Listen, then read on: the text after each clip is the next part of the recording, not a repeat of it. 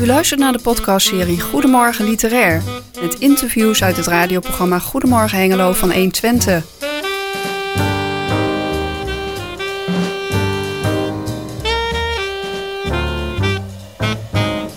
In deze aflevering hoort u Chris en Jos in gesprek met Corine Beumers over haar psychologische thriller Omkering. Vandaag zit tegenover ons in de studio Corine Beumers.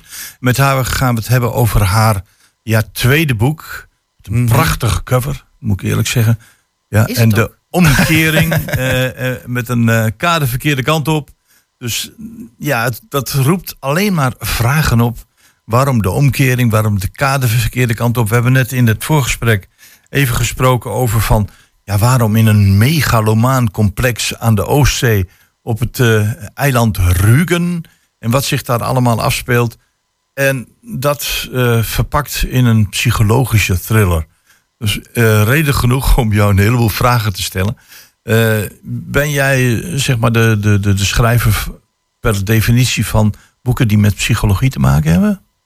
Ja, ik ben niet zo'n. eh, eh, er is weinig eh, doodslag en bloed en verderf in mijn boek. Nou, dat, dat vind ik zelf niet Wat zo. jammer nou is weer. Ik was heel trots. Ik, mijn vorige boek lag naast Karen Slaughter in, eh, in de boekhandel. Dat- Maar het, ik ben daar niet. het- Dat, dat zit niet in mij. Nee. Nee, ik vind het, ehm, het psychologische verhaal of de diepere laag vind ik heel interessant om over te schrijven.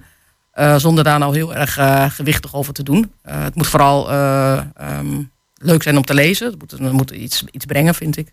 Mhm. En ehm, ja, een psychologische thriller geeft je heel veel ruimte om iets te doen met de verhaallijnen en de karakters. En ik heb, verbind daar bepaalde thema's aan eh, die mijn interesse hebben. Ja, Ja. want eh, kijk, ehm, ik heb een paar interviews van jou gevolgd. En wat me dan opvalt is, er zit een klein stukje autobiografie in.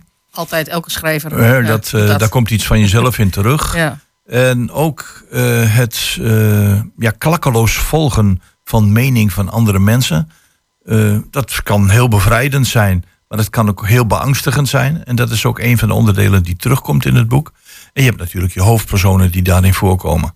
Eh, en het klakkeloos volgen van, van meningen op dit moment, dat zie je heel veel gebeuren, omdat we hebben te maken met social media. Maar we hebben ook eh, te maken met bijvoorbeeld, we hebben het net gehad over Poetin, dat mensen klakkeloos eh, Poetin volgen. Mensen die in de Tweede Wereldoorlog Hitler volgden. En daar speelt zich eh, onder andere het, het verhaal af in een vakantiecomplex. Eh, ja, dat, dat roept vragen op van. eh, ben jij iemand die zegt van het klakkeloos volgen van een ander brengt gevaren met zich mee?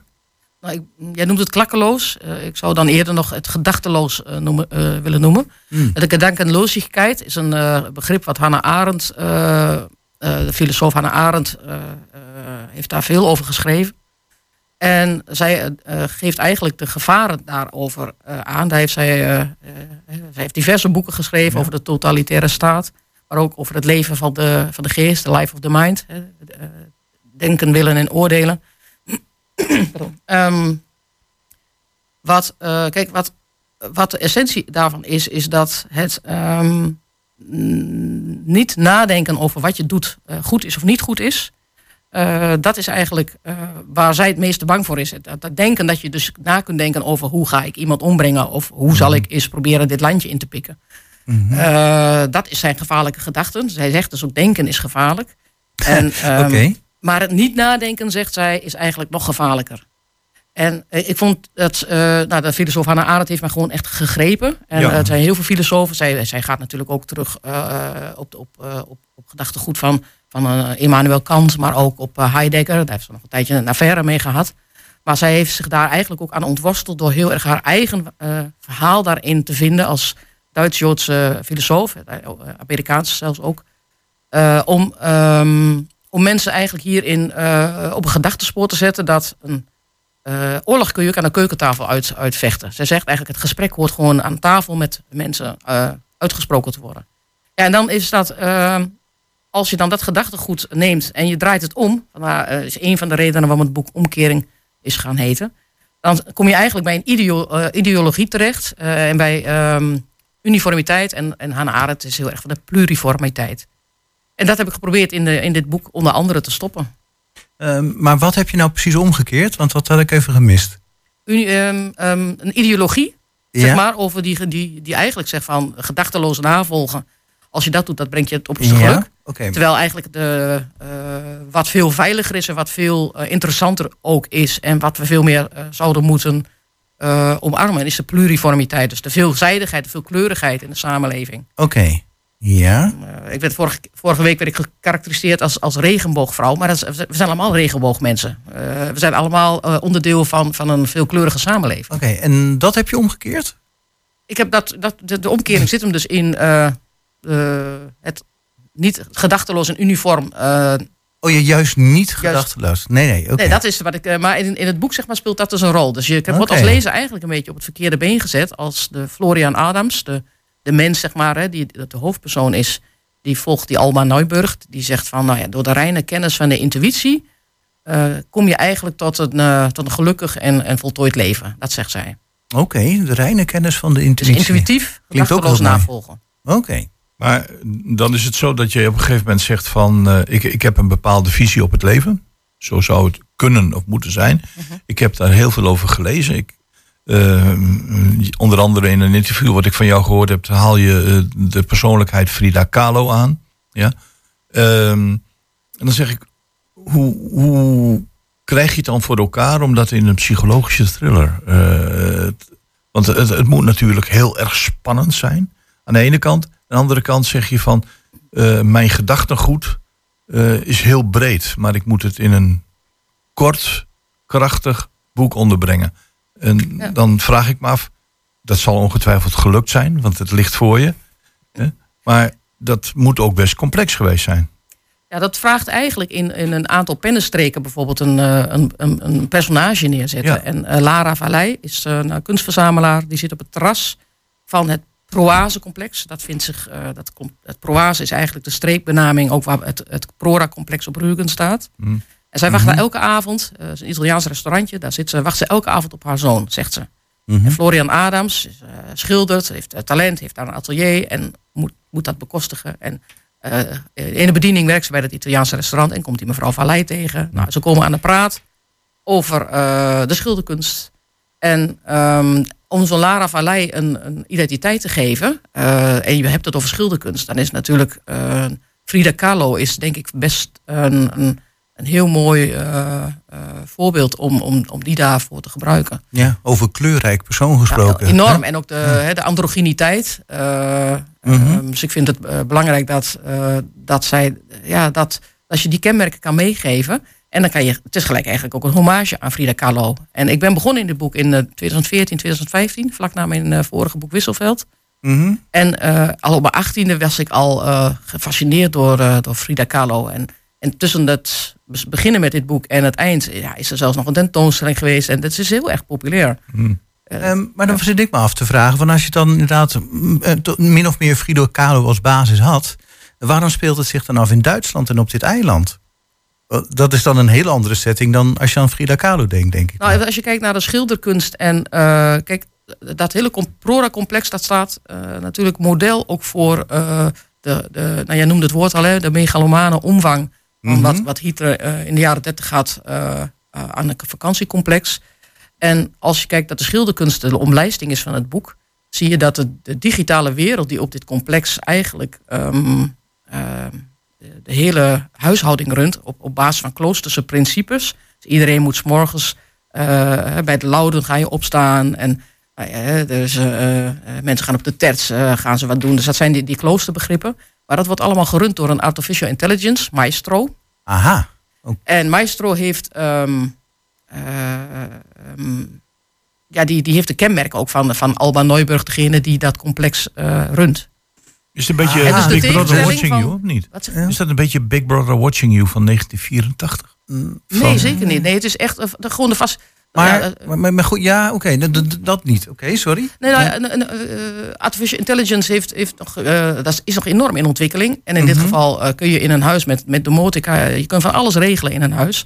Maar als daar dus ook zeg maar, je dagritme gedicteerd wordt op basis van bepaalde programma's die je moet volgen met een ideologie. Daar zit denk ik het, het, het subtiele erin. Dat die, die meisje, dat is wel een interessante component in het boek. Maar het heeft een enorm contrast met die ambachtelijkheid van de schilderkunst. Dus die omkering, zeg maar de tegenstelling, Ja, of van boven en onder, of van, van digitaal en analoog, dat is daarin verweven. Dus als je vraagt hoe komt Frida Kahlo nou op een complexe Rugen terecht, nou ja, dan eh, in, er komt meer schilderkunst in het boek voor. Dus dan probeer ik, eh, wat ik geprobeerd heb, is in ieder geval dit als omlijsting van het boek een, een, een, een, een kader mee te geven. Oké.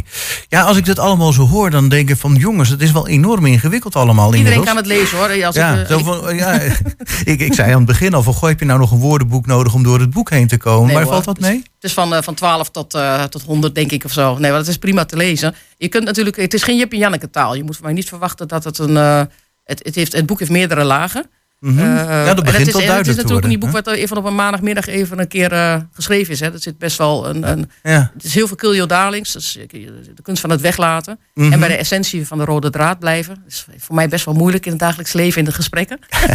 maar in het boek eh, heb ik daar de tijd voor.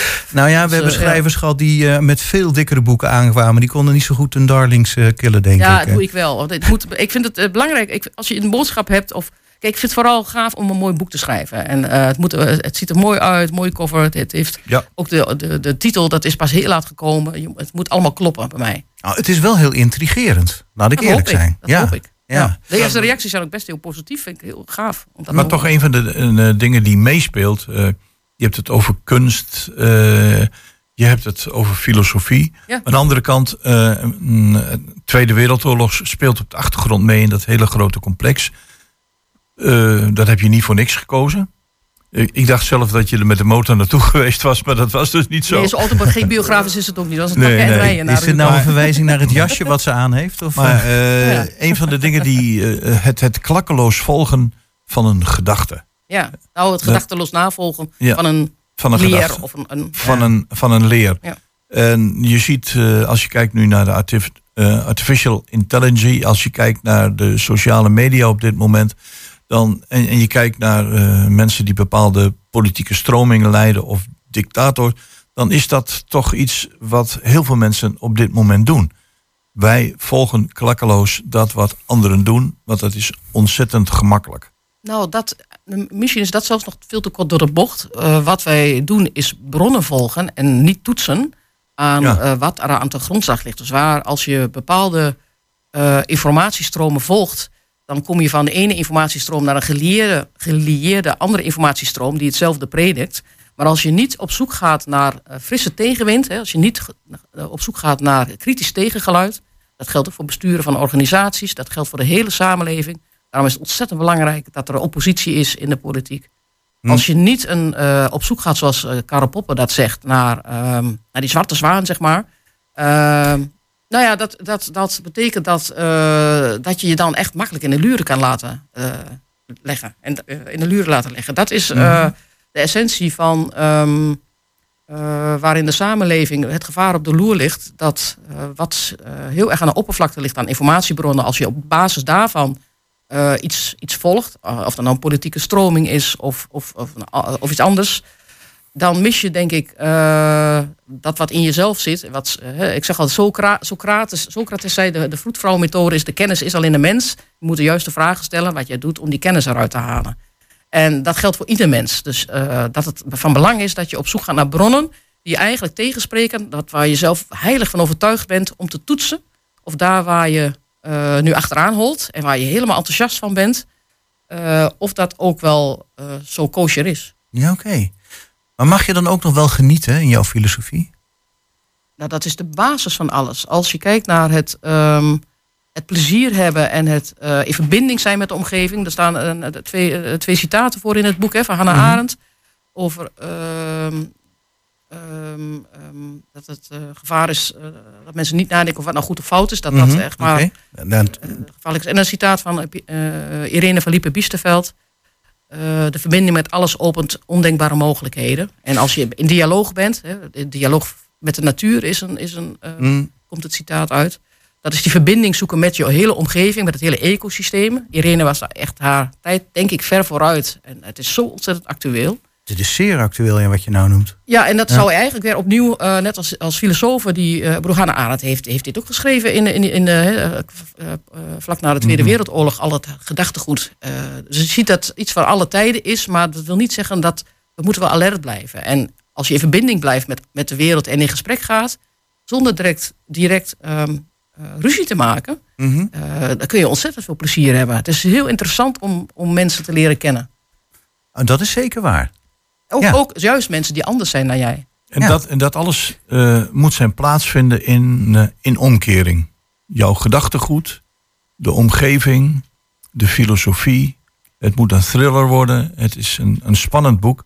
Ja. Dus Ja. En het is futuristisch, dat zie ik er ook nog ergens staan. Nou, bijna niet meer zou ik zeggen. Er zijn, eh, in het boek wordt, op, op een, even, wordt gesproken over biosensoren voor hersenbesturing. Oh ja. Dat was toen echt nog, eh wat toekomstmuziek daar praat ik over, toen ik dat bedacht, eh, dat het interessant zou zijn. Daar werd wel eens over gesproken, maar inmiddels in 2021 hebben ze biosensoren ontwikkeld. Het is ook al in gebruik, dus ik ben door de werkelijkheid ingehaald. Ah, een science fiction boek die eigenlijk nu gewoon een real life is geworden.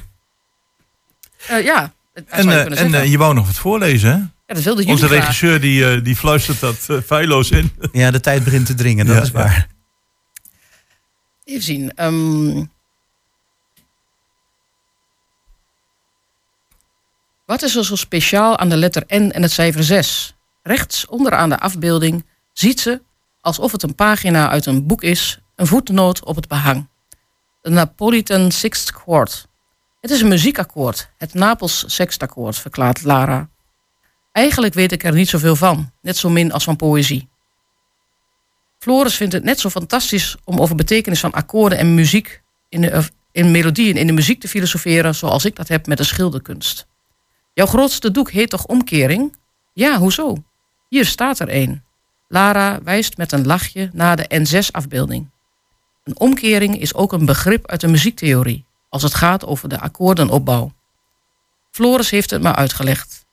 Het is een wat theoretisch verhaal, maar vanuit de grondlegging van een akkoord kan er een omkering klinken. De Napolitaanse sext is een gealtereerd muziekakkoord.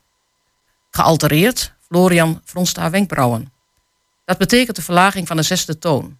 Dit wordt met een mol aangeduid.